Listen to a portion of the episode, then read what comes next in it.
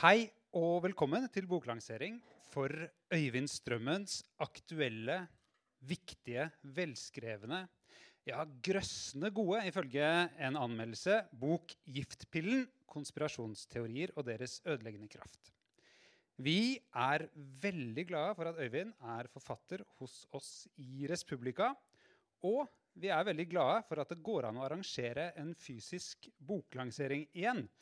En positiv følge av pandemien er kanskje det at flere arrangementer enn før blir strømmet, og slik at det er mulig å få det med seg også på tvers av kommunegrenser og landegrenser. for den saks skyld.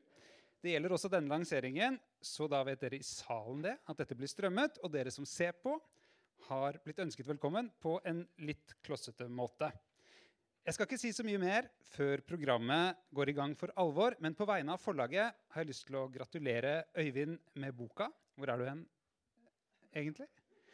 Gratulerer, Øyvind, med boka.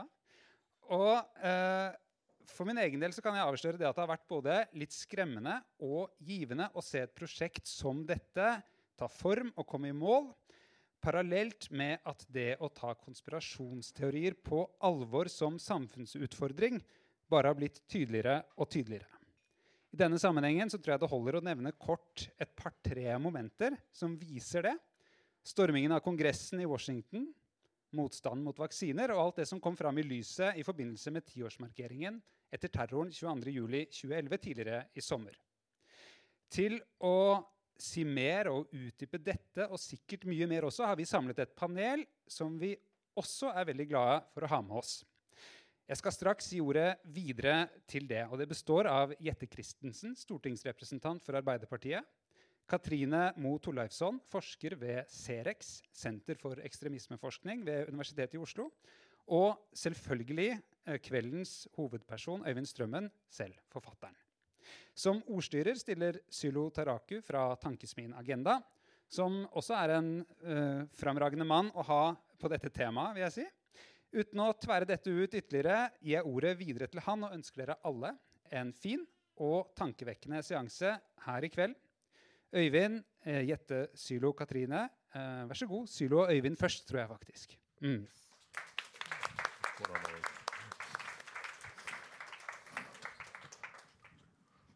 Foreløpig blir det veldig avstand.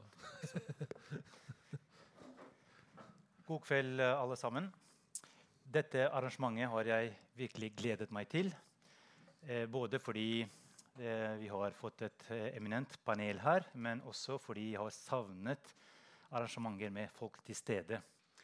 Eh, jeg er glad for at så mange har dukket opp. Eh, det virker som vi er på vei tilbake til normaliteten. Eh, Først så skal jeg ha en uh, boksamtale med Øyvind i ca. 20 minutter. Så skal resten av panelet komme etterpå for å diskutere uh, dette spørsmålet. Så jeg får begynne med å gratulere deg, uh, Øyvind, med boka. Jo, takk for det. Den har jeg lest med stor interesse. boken er lettlest, veldig opplysende og engasjerende. Men det er én ting som jeg har lurt på, og det er hvem er det egentlig som står bak denne boken?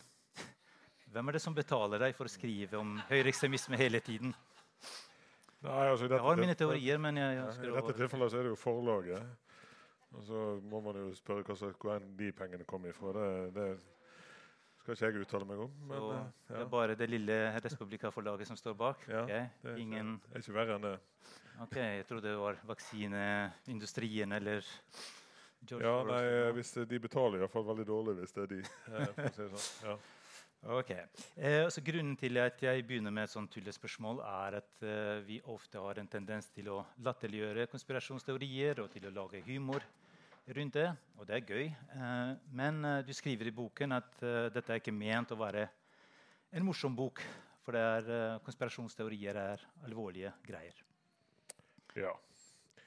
Um det er jo, det er jo uh, Altså det er klart at når en jobber med konspirasjonsteorier eh, som journalist eller akademiker, så er det jo uh, En blir jo av og til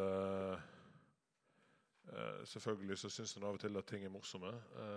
Det, det, gjør en jo. Samtidig så blir en ganske lei av å få det spørsmålet, da, eh, som kommer gjerne fra journalister, eh, om konspirasjonsteori som er den, er den morsomste.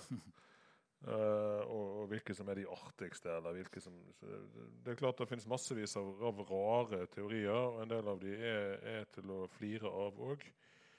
Um, men, men, veldig ofte så Når man skraper i overflaten, så oppdager man jo at det er ganske alvorlige ting allikevel. eh, som òg har alvorlige konsekvenser, enten det er i form av at uh, folk f.eks. unnlater å vaksinere seg. og det kan jo altså Det finnes jo f.eks. en teori som, som, er en teori som jeg har ofte nevnt på foredrag, og som får folk til å le. og Den handler jo om, om uh, at uh, ja, Hillary Clinton og dronning Elisabeth osv. egentlig er en form for uh, blodsugende romøgle.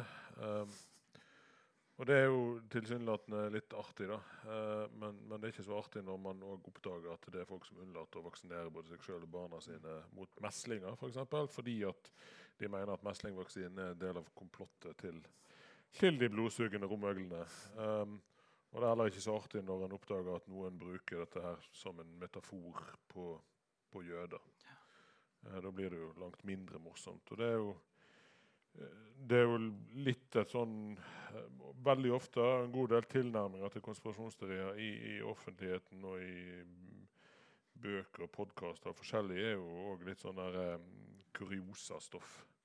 Litt sånn sjokk og artig dette. Men mhm. ja, det er ikke alltid det så veldig artig allikevel. Nei, eh, Siden eh, verken Soros eller Illuminati eller noen har betalt deg, eh, hvorfor har du skrevet denne boken? Hva er eh, motivasjonen bak? Nei, dette begynte jo for så vidt med en, en krangel på Facebook-veggen min. mye begynner der. mye som begynner der. Eh, og jeg hadde jo kritisert et, et, et lokallag i partiet Rødt for å invitere da, en foredragsholder som formidler konspirasjonsteorier. Uh, mente at det var jo uheldig, og så fikk jeg jo et svar som handla om er konspirasjonsteorier egentlig så farlig. Uh, og det må jo være lov å stille spørsmål uh, og, og, på en måte lage teorier om hva, hva som foregår i det, i det skjulte. Da, fra ja, myndighetene sin side og andre sin side.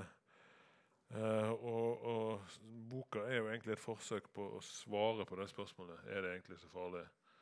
Uh, fordi at jeg mener at ja, det er farlig. Det er farlig i den forstand at det kan føre til altså Konspirasjonsteori er en del av, av uh, ekstremisme. En del av lufta som ekstreme bevegelser puster i, men òg farlig for samfunnsdebatten. Uh, og, og, faktisk bidrar det til å undergrave og til å, å, avspore samfunnskritikk og komme i veien for samfunnskritikk. Eh, og det mener jeg er eh, viktig å få fram òg. Eh, fordi at stadig vekk når man, når man, skriver eller mener noe om konspirasjonsteorier, så får man den der i fleisen. Ja, men det må da være lov å være kritisk. Og, og her handler det nettopp om at eh, konspirasjonsteorier etter mitt skjønn står i veien for god samfunnskritikk og ødelegger for god samfunnskritikk. Jeg må si Det var et ganske langt svar på et Facebook-innlegg. Eh, ganske grundig svar. Skrive en hel bok. Ja. Eh, eh, du blir jo irritert, da. Så da gjør man jo det.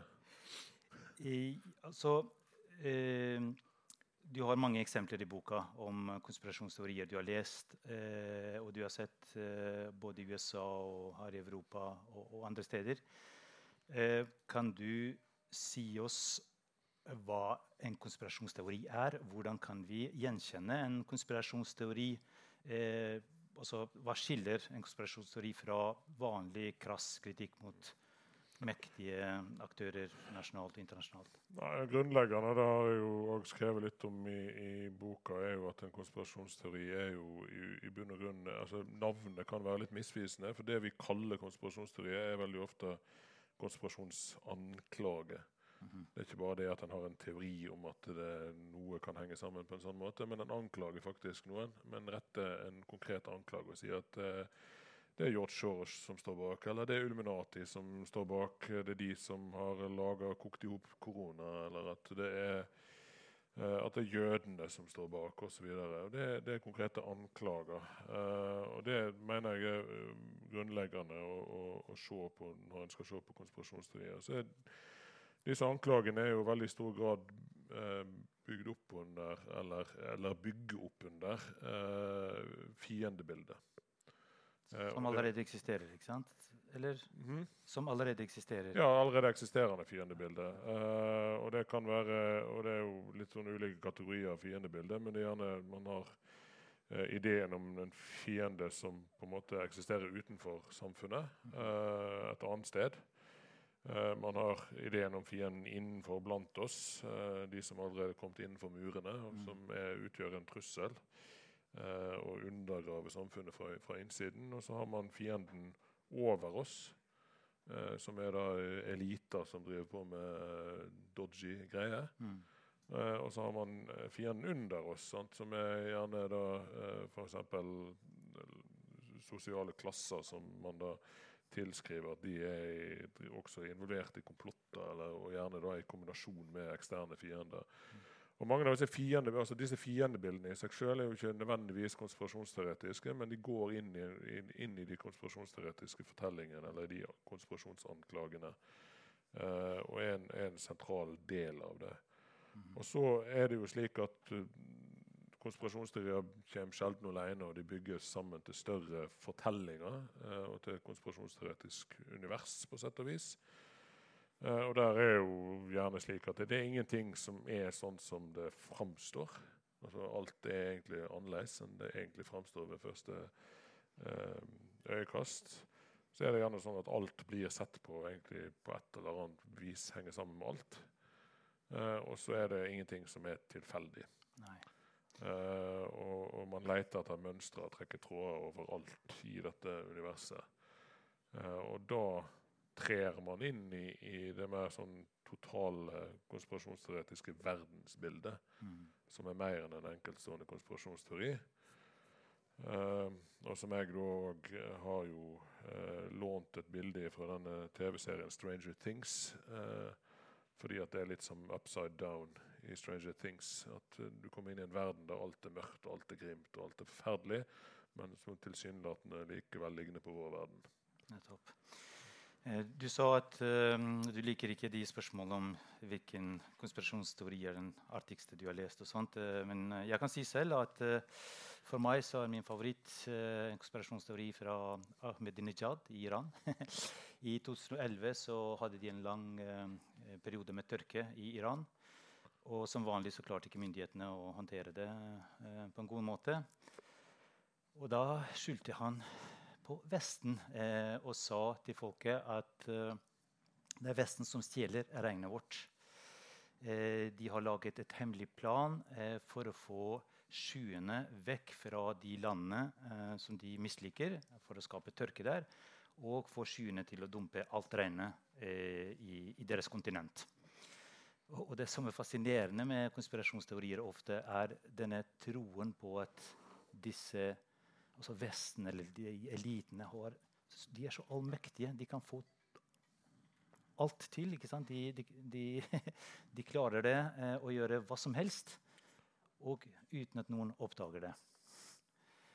Eh, så mitt spørsmål til deg eh, ikke, ikke, de artigste, men hvilke teori, eh, konspirasjonsteorier mener du er Eller er de mest de verste som de har kommet på? Det verste det er òg et uh, vanskelig spørsmål. Konspirasjonsteori er jo farlige på ulike måter. Uh, på, den ene siden så har du konspirasjonsteorier som, som f.eks. driver eller går inn i ekstreme verdensbilder, som gjerne kan dreie seg om, om minoriteter. Uh, og, som, og, som, er dødelige. Mm -hmm. som dreper. Um, og det, altså Bare i dag så jeg, jeg var på Marienlyst i dag tidlig på, hos NRK, så gikk jeg ned igjen til byen til fots. Og da går man jo nedover eh, og, og, kommer da forbi eh, noen av disse snublesteinene eh, som er satt opp etter, etter, steder der det da bodde jøder som, som var drept etter å ha blitt deportert. Um, og um, og der var jo konspirasjonsteori en del av drivkraften i, i, det. Uh, og det er klart at uh, antijødiske, antisemittiske konspirasjonsteorier er, er, jo noe av det som, som um, går igjen og igjen, og som veldig ofte når man skaper på moderne konspirasjonsteorier, så dukker antisemittismen opp. Uh, og, og, det er jo Altså, det kjenner vi de historiske konsekvensene av både, både før og, og ja, også da andre verdenskrig. Um, og, og, så kan man jo gå videre i Oslo sin geografi og gå forbi regjeringskvartalet og og, og, tenke tilbake på 22.07, der òg konspirasjonsteorier var en sentral del av den ekstreme ideologien til gjerningsmannen. Ja. Så det er jo noe av det, noe av det svaret. ikke sant? Det er jo farlig og det er skummelt. Det, men samtidig så er det jo eh, er det jo andre konspirasjonsteorier, andre måter konspirasjonsteorier er farlige på enn gjennom ekstremisme, og, og som er til skade for samfunnet. Sant? Vi ser hvordan konspirasjonsteorier i noe monn kan bidra til at folk ikke eh, lar seg vaksinere, fordi at det blir da kobla sammen med skumle komplott. Uh, og det har konsekvenser for folkehelse.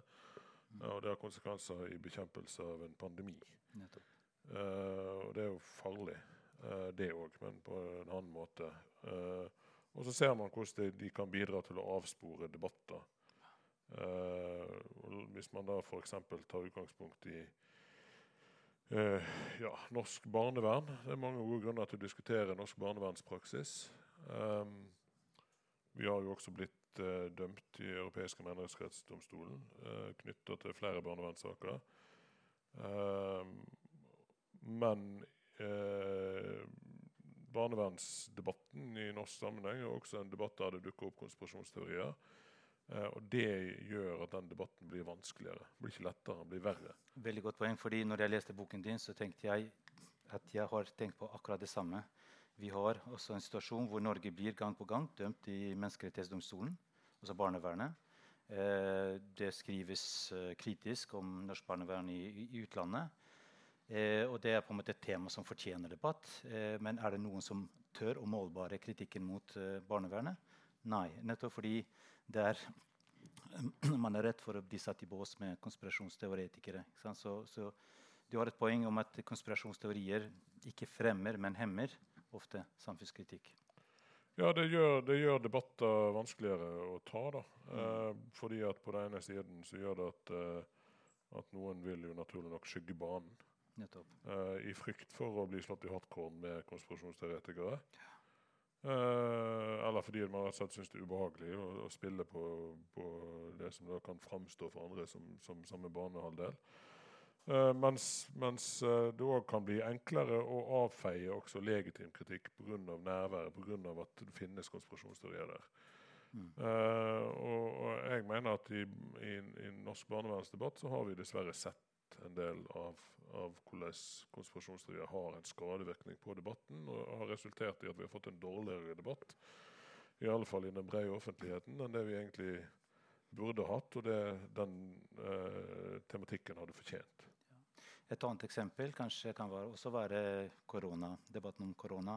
Jeg fikk et spørsmål fra, en, fra publikum allerede på, på Messenger eh, om at eh, fordi man problematiserer konspirasjonsteorier rundt korona, og sånt, så er det blitt suspekt nå å kritisere legemiddelselskapene som tjener seg rike og osv. så Eh, og så er det en annen bekymring, og det er at, eh, at man ikke kan stille spørsmål om hvor viruset har kommet fra. og Først når noen kom med teorien om at det er menneskeskapt, så ble det sagt at det var et konspirasjonsteori. Men nå er det flere som åpnet for at det er det er mulig, så kan, eh, kan også fokuset på konspirasjonsteorier også ramme liksom det, den kritiske journalistikken.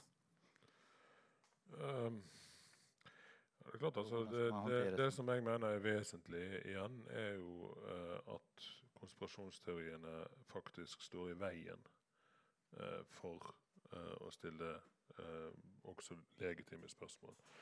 Det gjaldt vaksinedebatt. I 2009 så hadde man eh, noe debatt eh, om eh, bruken av, av, vaksine mot svineinfluensaen. Uh, og Der fantes det ulike faglige perspektiver på det. Nå er ikke jeg noen virusforsker eller noen vaksineekspert, men det, det fantes ulike faglige perspektiver på det, der noen hadde innvendinger mot å bruke så omfattende vaksineprogram mot svineinfluensaen som det som da ble gjort.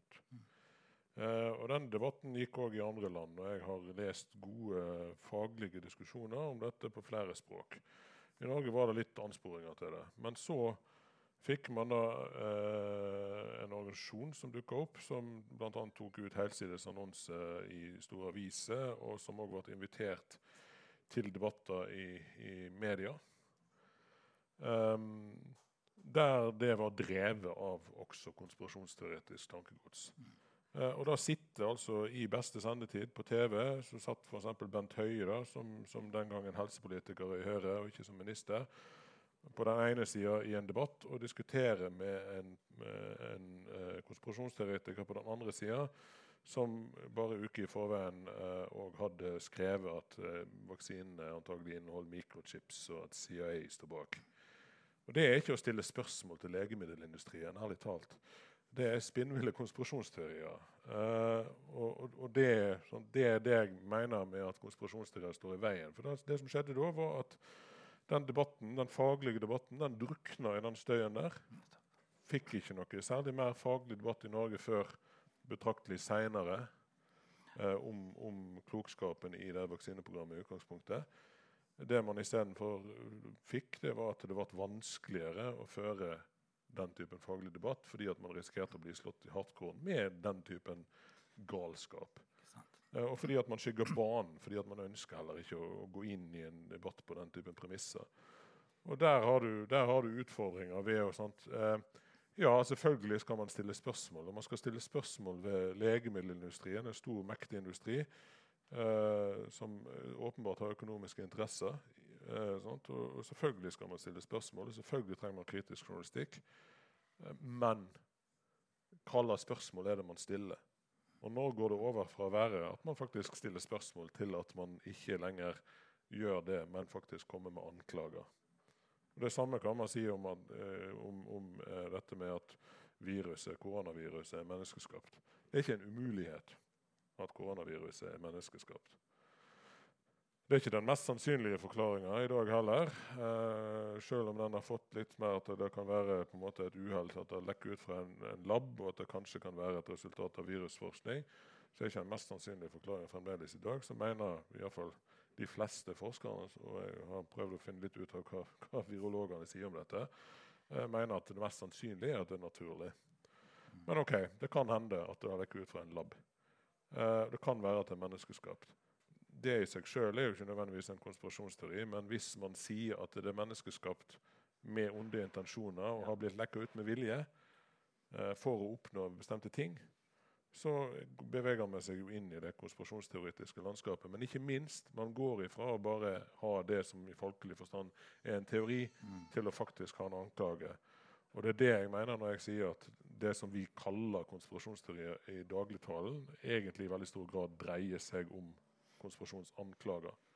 Vi skal snart slippe til eh, resten av panelet. Eh, men hvordan har, eh, boken, hvordan har mottakelsen av boken vært så langt? Jeg har lest noen anmeldelser. og de var ganske fine. Ja, jeg har fått kjekke anmeldelser i, i to aviser. Og det har vært, uh, fått kjekke tilbakemeldinger fra, fra, lesere som har likt, uh, likt boka så langt. Så regner jeg med å få en del kjeft òg. Det, det, det må man regne med når man skriver om et sånt tema. Uh, men jeg håper jo at, uh, at, dette er en bok som kan bidra til, uh, til å få en samfunnskritisk tilnærming til konspirasjonsteorier. Det skal vi komme tilbake til. korona har rammet mange yrkesgrupper, og ikke minst forfattere også.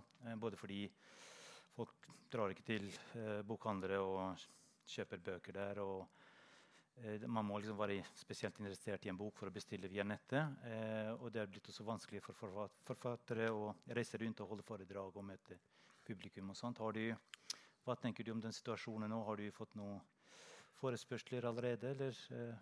Du, jeg har iallfall solgt masse bøker sjøl. Eh, fra på en måte min egen private lille bokhandel.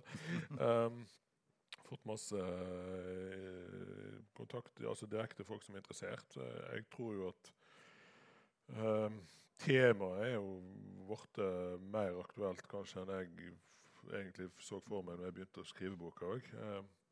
Det er klart at uh, diskusjoner om konspirasjonsteorier og deres virkning har jo blitt aktualisert veldig, ikke minst av ja, både av, av storming av, av, Capitol og konspirasjonsteoriene sin rolle der, men òg av at man ser konspirasjonsteorier f.eks. knytta til pandemien. Mm. Så jeg, jeg, har jo opplevd at det har vært en god del uh, oppmerksomhet uh, rundt uh, boka, og at, at, det er mange som syns det er litt spennende. og um, ja, det blir uh, sikkert uh, noen flere spennende debatter uh, etter dette også. Men jeg ønsker nå resten av panelet velkommen hit. Takk så langt, Øyvind. En liten applaus.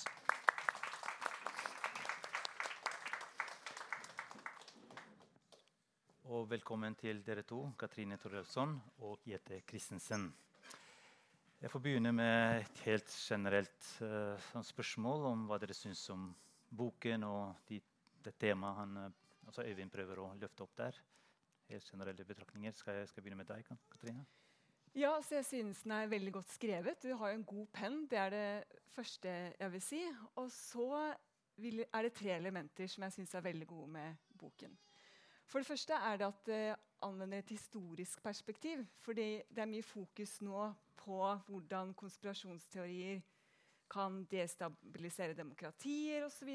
Storming av Kongressen. Men du begynner helt tilbake for over 100 år siden og viser hvordan konspirasjonsteorier har blitt brukt i alt fra folkemord til politisk vold og avhumanisering. Og det er et veldig viktig poeng. Altså, dette er ikke noe nytt. Det er jo gamle former for hat, fiendebilder, som blir puttet inn i en ny drakt.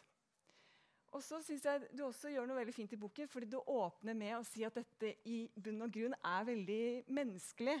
Altså det er lett å tenke at disse konspirasjonsteoretikerne de sitter sant, i mørke kjellerrom eller de sitter der og, og, lager noen ville fantasier. Men til en viss grad så er jo vi mennesker veldig tilbøyelige til å finne mønstre. Vi vil kategorisere, vi vil ha orden og kontroll over tilværelsen. Og ofte er jo da konspirasjonssnakk nytteverktøy til det. Eh, og Jeg er helt enig med deg. Jeg er faktisk litt kritisk til selve begrepet konspirasjonsteorier, fordi det impliserer at det er noe vitenskapelig. Og det som kjennetegner dette, er jo at det er antivitenskapelig. Det er eh, avfeiing av vitenskapelig sannhet. Så én ting er at konspirasjonssnakk, anklager, brukes i å dehumanisere, men det brukes også til å avvise myndigheter, til å avvise konvensjonelle medier, men veldig ofte til å avvise vitenskap. Og Det er da vi har fått sett slike voldelige eskaleringer av skyggeoffentligheter, slik som storming av Kongressen var et eksempel på, hvor det sitter et globalt medforfatterskap av politisk propaganda og er veldig drevet. For det er jo spennende å finne disse Q-kodene. Det er spennende å finne mønstre.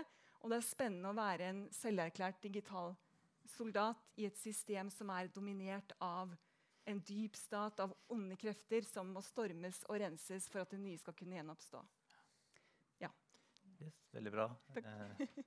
jeg eh, eh, skal fortsette litt i samme leia, eh, fordi vi har lest samme bok. Eh, eh, jeg, en av de tingene som jeg synes er veldig fint med boken din, Øyvind, er at du skiller mellom de som tror på konspirasjonsteorier, og de som aktivt bruker konspirasjonsteorier for å oppnå politisk makt. Det er to veldig forskjellige ting. Eh, og jeg, jeg skrev i en kommentar til deg at jeg var så begeistra for at boken din ikke er pompøs. For veldig ofte når man skriver om konspirasjonsteorier, eh, så er det gjerne fordi at man er spesielt interessert i det, man syns det er spesielt dumt å tro på konspirasjonsteorier, og da gjennomsyres veldig ofte teksten av at den som skriver, er en observatør og fjerner seg veldig fra de som tror på konspirasjonsteorier. Men det vi egentlig er ute etter, er å finne grunnen til at noen tror på konspirasjonsteorier, og avsløre de makthaverne som bruker konspirasjonsteorier for å oppnå mer innflytelse eller beholde eh, makt.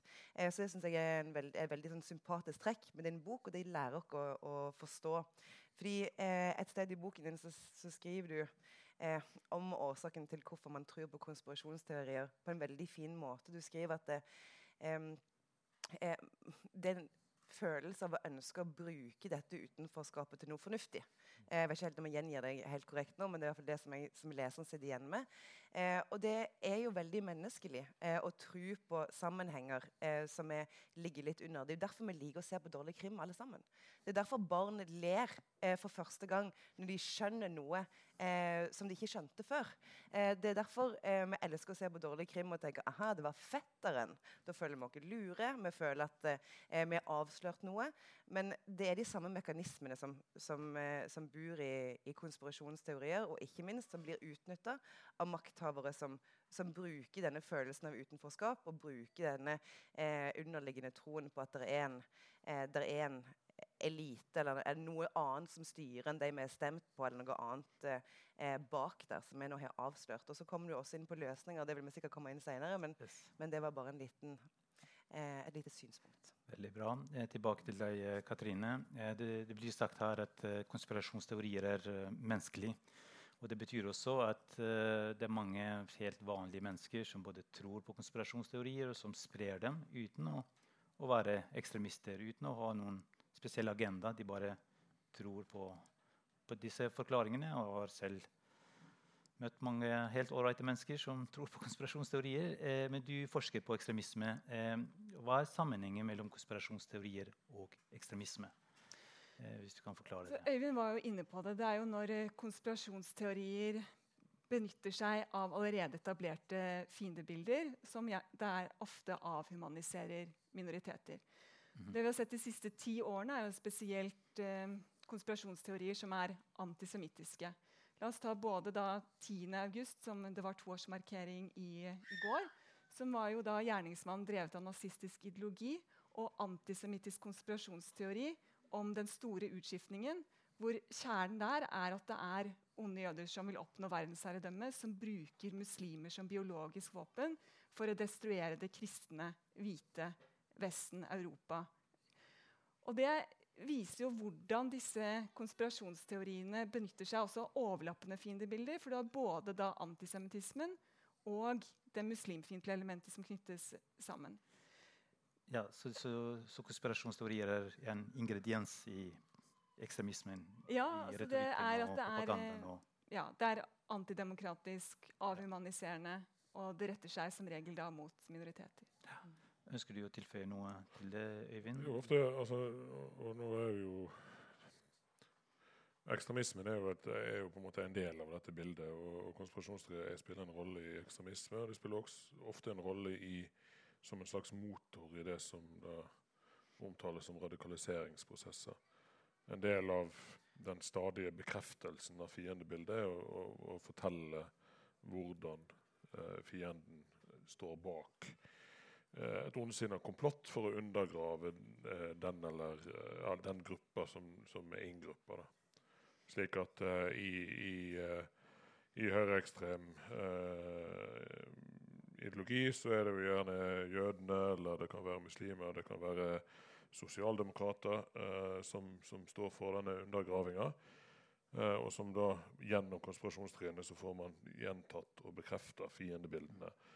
Eh, mens i f.eks. den ekstreme islamismen så er jo gjerne fiendebildet preget av at man har forestillinger om at korsfarerne og jødene, for de opptrer jo også der, uh, står bak uh, undergraving av, av, virkelig islam. og av, av, de muslimske samfunnene. Og, og, så brukes det for å bekrefte fiendebildene der. Så det er jo, det er jo der uh, konspirasjonsteoriene ofte fungerer som som eh, en slags oksygen for, for, ekstremister. Det er klart at Man kan vanskelig skrive om konspirasjonsteorier som fenomen uten å skrive om, om ekstreme bevegelser og ekstremister også. Mm. Men, men, jeg eh, har jo også ønsket å, å ha en tilnærming som er mye bredere enn, en å handle om det ekstreme. og Da er vi litt inne på dette med det menneskelige. Hva, hva er det som, som gjør at de har appell? da? Mm. Tilbake til deg, Jette. Du er fortsatt stortingspolitiker, sitter i utenrikskomiteen, men også i Europarådet og har lenge hatt et sterkt engasjement for demokrati og menneskerettigheter i Europa. Mm. Eh, jeg stilte Katrine spørsmål om eh, sammenhengen mellom konspirasjonsteorier og, og, ekstremisme. Men hva er sammenhengen eh, med populisme? Eh, fordi som Øyvind skriver, så er det ikke bare ekstreme grupperinger som bruker konspirasjonsteorier, men også aktører med makt. Mm.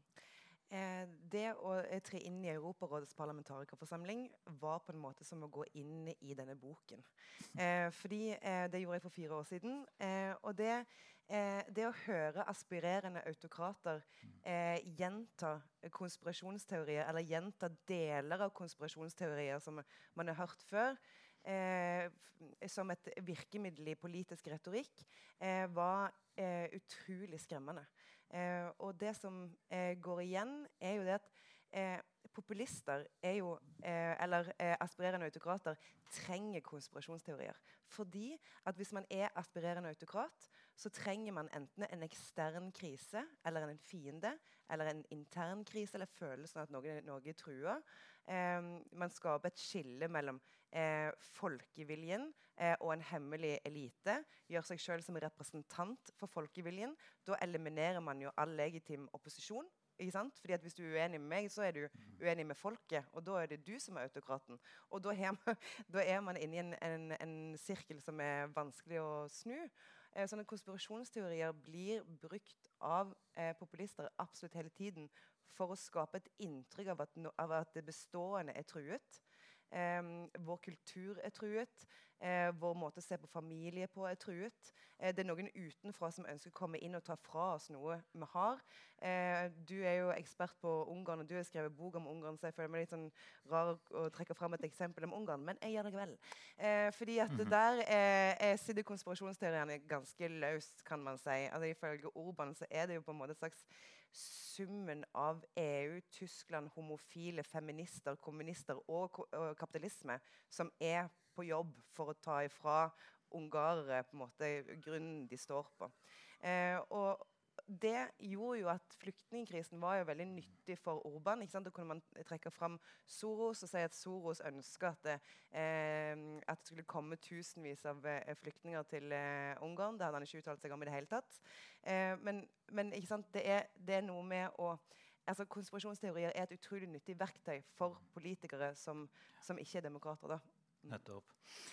Eh, og så eh, skriver du Øyvind, at konspirasjonsteorier har alltid eksistert. og sånt, men, eh, men, det er noen situasjoner som gjør at plutselig så blir det mer på en måte aktivitet. Da, det blir nye konspirasjonsteorier. og sånt.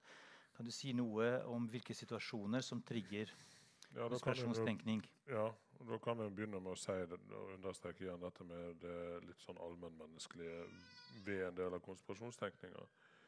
Eh, for det tenker jeg er litt viktig for å sette det inn i en sammenheng i hva situasjoner eh, mm. en får mer av det, eller kan få mer av det. Først er det, det er ganske naturlig for mennesker å lete etter mønster. Eh, og eh, ganske naturlig å finne dem også. Uh, vi er gode på det. Uh, og vi er til dels så gode på det at vi finner de også når de ikke er der. Det er masse optiske illusjoner og forskjellig som bekrefter hvordan hjernene våre også funker til å finne mønstre som ikke er der. Uh, og Konspirasjonsteorier inneholder jo ofte også veldig gode fortellinger, gode historier, uh, som har med seg en del sånne klassiske fortellergrep. Sånn, vi snakket om dårlig krim, men det finnes masse god krim. Uh, og masse gode thrillere. og, og masse gode filmer som, som i, i bunn og grunn også bærer med seg en sånn fortelling som kan ligne på den konspirasjonsteoretiske fortellinga. At man har en uh, hemmelig, mørk orden som undergraver den, den, gode republikken. Eller Star Wars, som vi kjenner den historien som. Um, og uh, de få måte, tøffe heltene som står opp mot, mot dette. Uh, og Det er jo en, utgangspunkt, en, en sånn, det, det, Dette kan være ganske tiltalende historier, fordi at det gir oss muligheten til å plassere oss sjøl i en helterolle. Uh, sånn vi har sett en, noen sammenhenger som andre ikke har fått øye på. og Vi er de som står opp mot den brutale overmakten. Uh, mot sitt lords, eller Illuminati. Og så er det sant, i hva situasjoner blir vi mer sårbare som samfunn og som enkeltmenneske for dette. Forskning, eh, sånn Psykologisk forskning antyder jo at folk som opplever at de ikke har kontroll i sitt eget liv, eh, blir mer sårbare. Og Det er jo ganske logisk, på sett og vis. Man, man begynner å se etter uten, forklaringer utenfor sitt eget liv. Hvorfor man ikke har den kontrollen. Og det er ned på et ganske sånn absurd nivå. altså Man finner at studenter som er nervøse for at de skal ta en eksamen som de ikke følger kontroll på, eh, i større grad svarer at de tror på konspirasjonsteorier hvis de får en spørreundersøkelse, enn studenter som har eh, gjort den eksamen ferdig. Eh, og og, en, del, en, del, sånne ting kan man, kan man, måle det på. Men så er det klart at man kan òg se det på, på, samfunnsnivå. Et samfunn som er prega av mistillit. Um, som er prega av usikkerhet.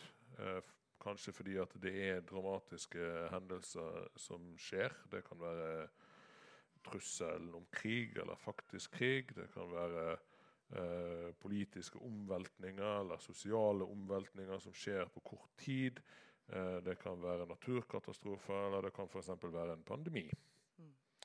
Eh, gjør at den usikkerheten i, blant oss vokser. Og i mm. den usikkerheten så ligger det da en kime til at flere kan komme til å tro på konspirasjonsteorier. Ja, apropos dette med tillitsnivå i samfunnet. Altså jeg kommer opprinnelig fra, fra Balkan, og der er konspirasjonsteorier veldig utbredt. Hvis man er i en sosial kontekst og snakker med helt oppegående mennesker, og noen kommer med en vill konspirasjonsteori, så, så, er det ingen som blir sjokkert. fordi det, det, er så vanlig. Eh, folk sier ikke hva du sier du er ekstremist. Noen noe, bare sånn, Kanskje jeg tror ikke det. Og så kommer man noen andre med en annen konspirasjonsteori. Og, og jeg tenker de har all grunn til å, være, til å ikke stole på myndighetenes offisielle versjon, fordi de blir lurt gang på gang. Dette skjer også i Midtøsten. Og Da er det veldig naturlig de stiller spørsmålet hvem er det som tjener på dette, hvem, hvordan dette henger sammen. Og Da skapes det også rom for konspirasjonsteorier, fordi myndighetene lyver, lyver jo hele tiden. nesten. Ja, I boka så, tar jo jeg, eh, altså der skriver jeg en del om Belgia. Eh, jeg vet at uh, Klassekampen sin melder, som var mer kritisk enn de andre, lurte jo litt på hvorfor jeg skriver så mye om Belgia. Det, det var malplassert. Men poenget med min historie om Belgia er for at Belgia er et samfunn som ligner mer på det norske enn kanskje en del andre eksempler ville gjort hvis man hadde tatt Midtøsten som utgangspunkt. Men Belgia på 1980-tallet var et samfunn som var prega av djup, mistillit. Mm. Eh, og det var prega av djup mistillit til dels av svært gode grunner. Eh, politisk kaos, et, et, politi som ikke var spesielt flink på å gjøre jobben sin. eh, og man hadde Eh, terroraksjoner mer eller mindre, utført av en mystisk kriminell bande som, som jo sto bak masse drap eh, og aldri ble oppklart. Alt dette fører fram til mistillit. Eh, og den mistilliten er ikke urimelig eller vanskelig å forstå, eller sånn, men, men, det gjør òg at konspirasjonsteorier blir lettere å selge. Eh, og, og, det inkluderer jo da selvfølgelig forestillinger som kanskje kan ha en kime av sannhet et eller annet sted inni seg. fordi at det, da selger de bedre, men det er òg mer villere påstander. Ser de ønsker å kommentere? Ja, det var det med kima av sannhet. fordi eh, ja, konspirasjonsteori kan være en respons på avmakt og mistillit og respons på raske endringsprosesser som destabiliserer ditt, din verden og ditt eh, liv eller opplevelse av eh, identitet. Men de bygger ofte på flik av sannhet, og det er derfor de kan også få sin tiltrekningskraft. Så selv om du kan ta utgangspunkt i en økonomisk krise, her er alle mistet jobben, eller du tar utgangspunkt i frykt for det nye mangfoldet eller migrasjon, her kommer flyktningene fra Syria osv., som var diskursen i, i uh, Ungarn, så ser du hvordan da i politisk propaganda nye elementer kommer inn. Her er det en hemmelig sammensvergelse.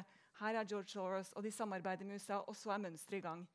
Men så har det flik av sannhet, og det tar også tak i elementer som er nære menneskers liv. Da. Så Det er slik de får sin også tiltrekningskraft. Ja, fordi de virker litt mer troverdige enn hvis det hadde vært helt ut av det, ja. ut av det blå. Jette, du ønsket også å kommentere? Ja, eh, Siden vi snakker om sannhet, så er det også fravær av eh, altså, Et sted eh, Det er enkelt å få konspirasjonsteorier eh, eller te, eh, konspirasjonsanklager til å gro eh, et sted der man ikke har noe felles plass å gå for å undersøke hva som er sant. Mm. Eh, og derfor, hvis man er en aspirerende autokrat, så er det viktig å destabilisere eh, universitetene. Det er viktig å destabilisere pressen. Det er viktig å destabilisere troen på eh, at det fins objektiv kunnskap noe sted. Eh, fordi at da er man jo alle sammen like gode. Alle sammen er like gode sannhetsleverandører. og i, et, i et sånn type klima der gror konspirasjonsteorier enda eh, kjappere.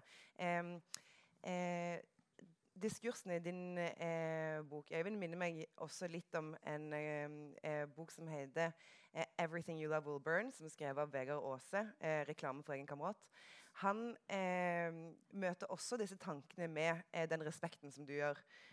og han fortalte meg en gang en historie om noen, en fyr fra alt-right-bevegelsen i USA som hadde gjentatt et, et tall på hvor fort eh, afroamerikanere kom til å ta over en stat. Altså, eh, I løpet av så og så kort, eh, kort, tid så vil det være så og så mange svarte her. Eh, det hadde han regnet ut. Eh, og Vegard skulle jo være journalist, men eh, klarte ikke å eh, være stille. og hadde undersøkt det tallet og sa at vet du hva, akkurat det tallet det er faktisk ikke riktig. Det må du bare slutte å si. For jeg, I looked it up, jeg undersøkte det. Det, det er ikke riktig. Where'd you look it up in a book? Mm. Who wrote that book? Someone in Washington? You can't look it up in a, in a book. You have to look it up in your gut.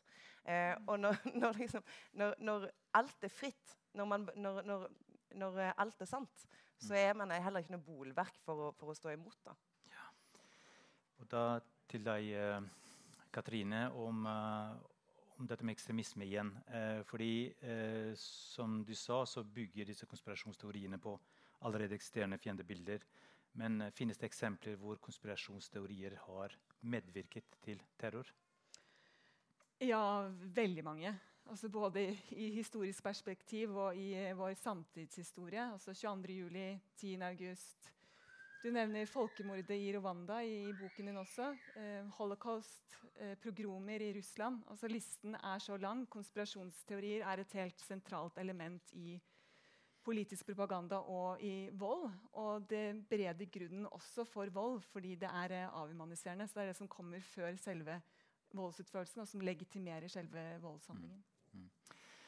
Og Siden du nevnte 22.07, så har vi hatt en debatt om oppgjøret etter 22.07. Eh, og det innebærer også et oppgjør med konspirasjonsteorier. Eh, og eh, Arabia-konspirasjonen har vært helt sentral der. Eh, dette, altså denne teorien, eller anklagen, for å si det mer presist, eh, rammer jo eh, alle europeiske eliter. Men her i Norge så er det spesielt Arbeiderpartiet som, som er utsatt.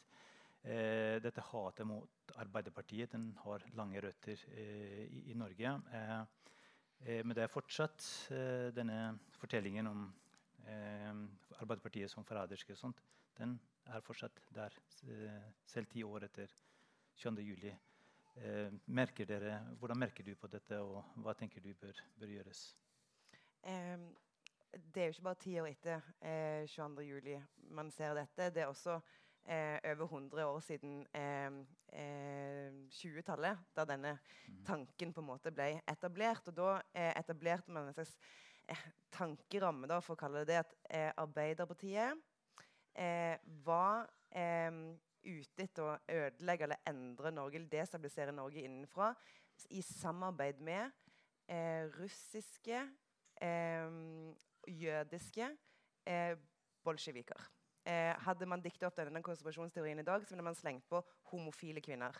Um, for å få det liksom ekstra schwung i det. Um, og den eh, tanken eh, Ikke akkurat sånn, men variasjoner av dette mm eh, har jo vist seg å være eh, veldig eh, farlig. Mm. Um, men det Du spør meg om eh, hva kan man gjøre med det. Eh, det aller viktigste Det er to eh, enkle og veldig vanskelige grep man kan gjøre, som Øyvind også veldig fint påpeker i sin bok. nemlig at denne følelsen av utenforskap, som du beskriver veldig godt, Eh, jeg tenker at det er jo eh, altså Utenforskap, svaret på det er et tilhørighet. Man finner konspirasjonsteorier, eller man finner steder der man eh, føler at man tankene blir satt i system, der man føler at man har kontroll over dette utenforskapet, eller kan bruke dette utenforskapet til noe nyttig, være en helt, eh, være noen som avslører noe eller på en måte påpeker noe. Den følelsen må man jo kunne levere i virkeligheten. Mm. Det er jo eh, en av de viktigste tingene. Og den andre siden, som er veldig konkret, eh, som jeg syns var nytt med boken din, Øyvind, som du eh, eh utdyper, som er et veldig bra bidrag, er at eh, hemmelighold eh, det skaper grobunn også for konspirasjoner. sånn at, Med god grunn. sånn at når vi må som samfunn ha mer åpenhet. Mm. Vi må være mye mer eh, tenker dere mye mer om før man, eh, før man har lukka møter, lukka prosesser. fordi at i det sekundet et møte blir lukka, eller en prosess blir lukka, eh, da begynner tankespinnet å gå med en gang. Eh, sånn at det å, det å, bidra til mer åpen diskusjon og mer, mer eh, eh, mindre mystikk er, kan være et konkret bidrag. Ja, nettopp fordi Det som kjennetegner de regimene som vi snakket om, er nettopp lite transparens. og Da åpner man for konspirasjonsteorier. Eh, for å følge opp dette eh, Arbeiderparti-hatet med, med, deg, Øyvind. Eh, Arbeiderpartiet ble eh, liksom synonym med staten fordi partiet har styrt lenge. Og, eh, så lurer jeg litt på hva du mener eh, om situasjonen nå. Altså, etter åtte år med Høyre-styre, har det bidratt til å avlaste Arbeiderpartiet litt? Eller er det fortsatt er Arbeiderpartiet spesielt utsatt? Um, nei, altså Det finnes fremdeles veldig mye av et sånn særegent Arbeiderparti-hat og forakt mot Arbeiderpartiet som i en del tilfeller går inn i det konspirasjonsteoretiske landskapet.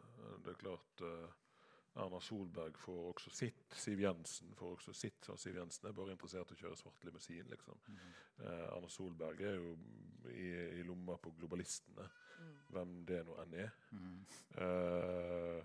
Og, og, ikke minst så får jo det partiet jeg sjøl er medlem av MDG, får jo en del eh, kreative eh, varianter òg.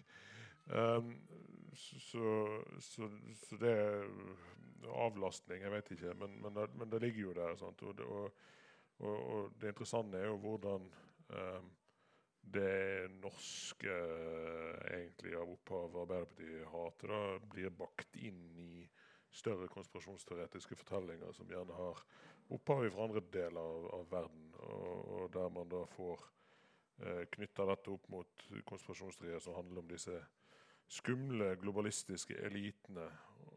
Og det handler jo noe bl.a. om avstand og manglende innsyn i en virkelighet som, som gjør at det oppleves veldig fjernt eh, for mange av oss. Og Det er jo noe av det som jeg er opptatt av å få frem. Da, at det konspirasjonsteori er også et symptom. Mm. Um, og, vi, og vi, siden vi litt sånn snakker om, om, om, løsninger eller måter å svare på det altså Jeg skriver i, i boka om et eksempel ifra, ifra tilbake på 1860-tallet, der, eh, der, det verserte da, et rykte i, i, Oslo eller Kristiania om at eh, Frimurlosjen eh, fanga fete barn og unge kvinner og eh, slakta de og salta de ned på tønner. Eh, for å selge de til Tryntyrken. Ja, der har vi på en måte en helt sånn, det er massevis av, av uh, fiendebilder ute der. Det er jo Frimurlosjen, eliten eh, og Tryntyrkene, altså muslimene. eh, som på en måte er bakt sammen i en suppe. Dette her ble jo avfeid av, av,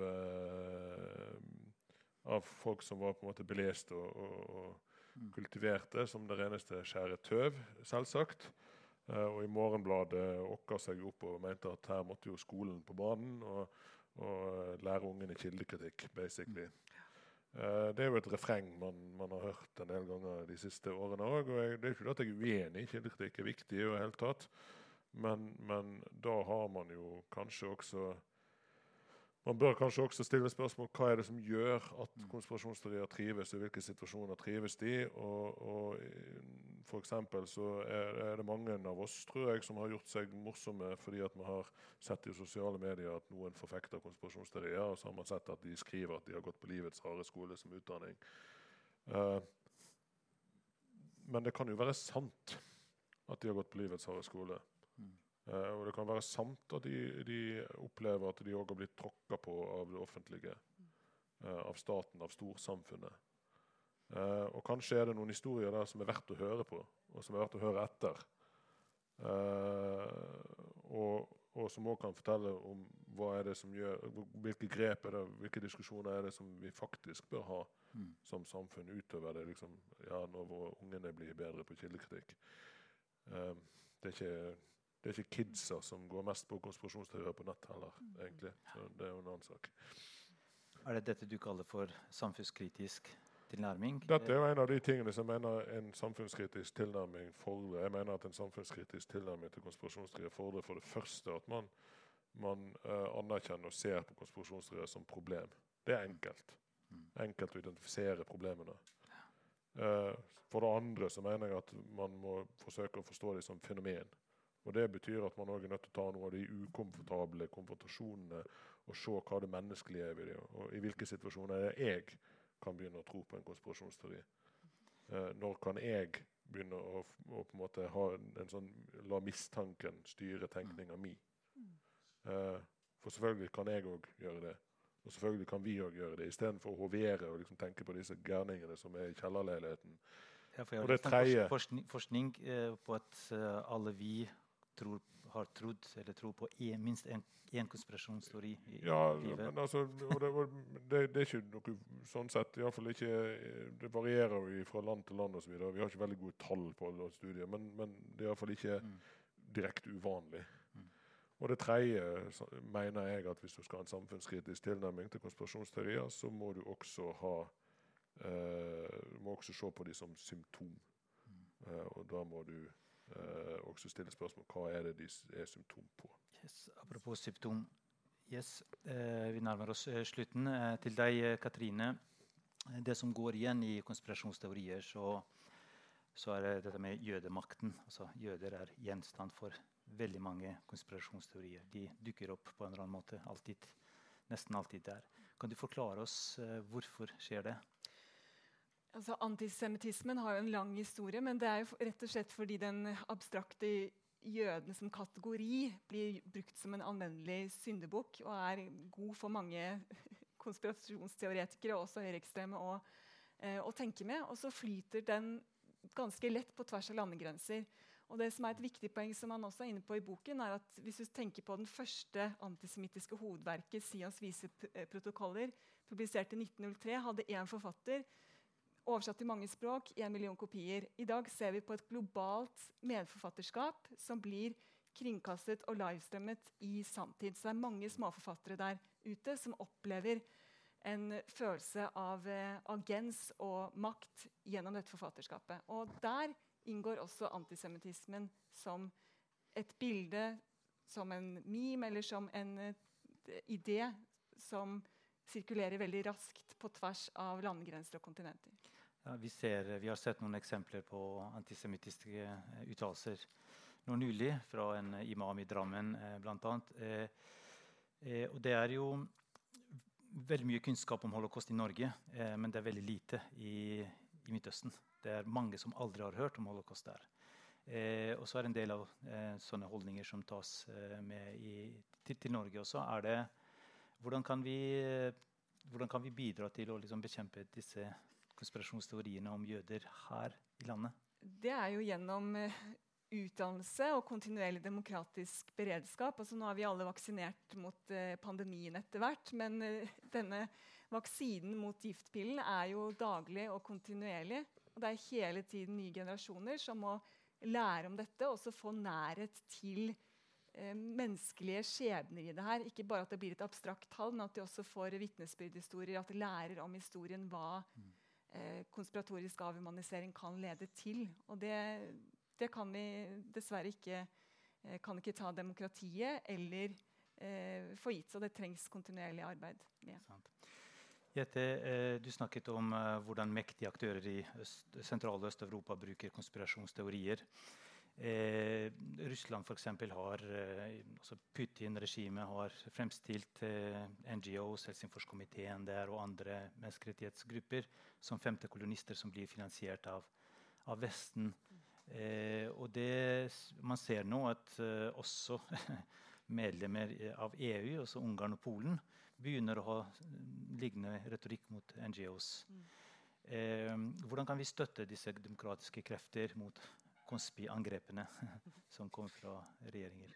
Eh, det kan vi gjøre på to måter. Eh, for det første eh, å støtte de med ord og handling. Eh, eh, og avdekke disse eh, konspirasjonene. Grunnen til at Soros og, og NGO-er som deler et verdiliberalt syn, grunnen til at de er utsatt for sånne konspirasjonspåstander, er jo fordi at de, de har europeiske liberale verdier mm. eh, som, som, disse landene eh, ikke ønsker å, å, ha, fordi at det utfordrer deres makt. Menneskerettigheter, rettsstat, eh, et, et, valgsystem det går an å ettergå, det utfordrer autokraters makt.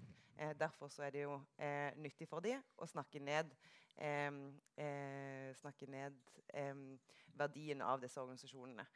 Norge har et veldig konkret virkemiddel, som er det EØS-midlene eh, som er et målretta eh, og kirurgisk eh, verktøy for å støtte eh, NGO-er i land eh, som har, som har styresett som truer de NGO-ene til å bære fram liberale verdier.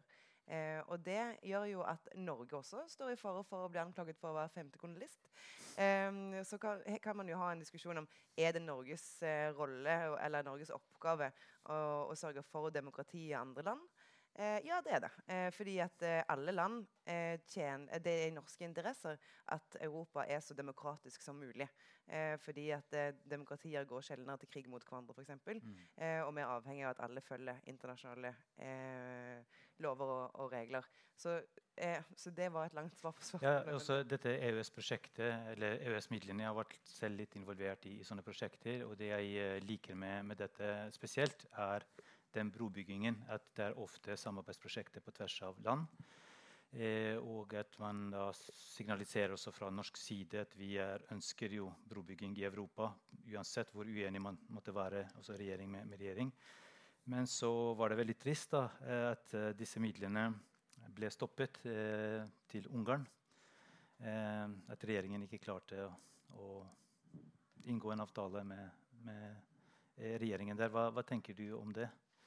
Eh, det er jo en helt annen diskusjon enn eh, boken til Øyvind, men allikevel så, så er det jo, toucher du litt inn på det. Eh, eh, det var veldig synd. Eh, Ungarns eh, sivilsamfunn trenger all den støtte de kan få, særlig nå.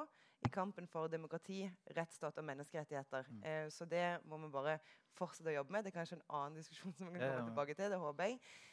men siden jeg så det var noen som gjorde et sånn klokketegn, så vil jeg bare runde litt av til å komme tilbake igjen til Øyvind sin bok. Fordi eh, det du sier så fint nå i stad, er at det, eh, det å eh, det at en konspirasjonsteori får grobunn, det sier veldig lite om det mennesket som tror på eh, konspirasjonsteorien. Det sier mye mer om hvilket samfunn den eh, konspirasjonsteorien får grobunn i. og Um, og hvordan det samfunnet behandler det mennesket som tror på konspirasjonsteorien. Uh, så det har jeg uh, lært av din bok, og jeg vil bare si tusen takk for at du bidrar så nyttig i diskusjonen om dette. Det var en veldig fin måte å avslutte denne samtalen på. Så uh, tusen takk til dere i panelet, og tusen takk til dere som har møtt opp her. Og tusen takk også til dere som følger med via streamen. En applaus til alle her. Eh, det er uh, mulig å kjøpe boken. Uh, Øyvind kommer til å være her. Det er mulig å stille han spørsmål. Han signerer gjerne uh, bøker. også til dere som følger med via Internett. Det er også mulig å bestille boken fra Respublika forlaget eller andre bokhandlere der. Denne boken anbefaler jeg på, på det sterkeste. Så tusen takk for nå, og på gjensyn.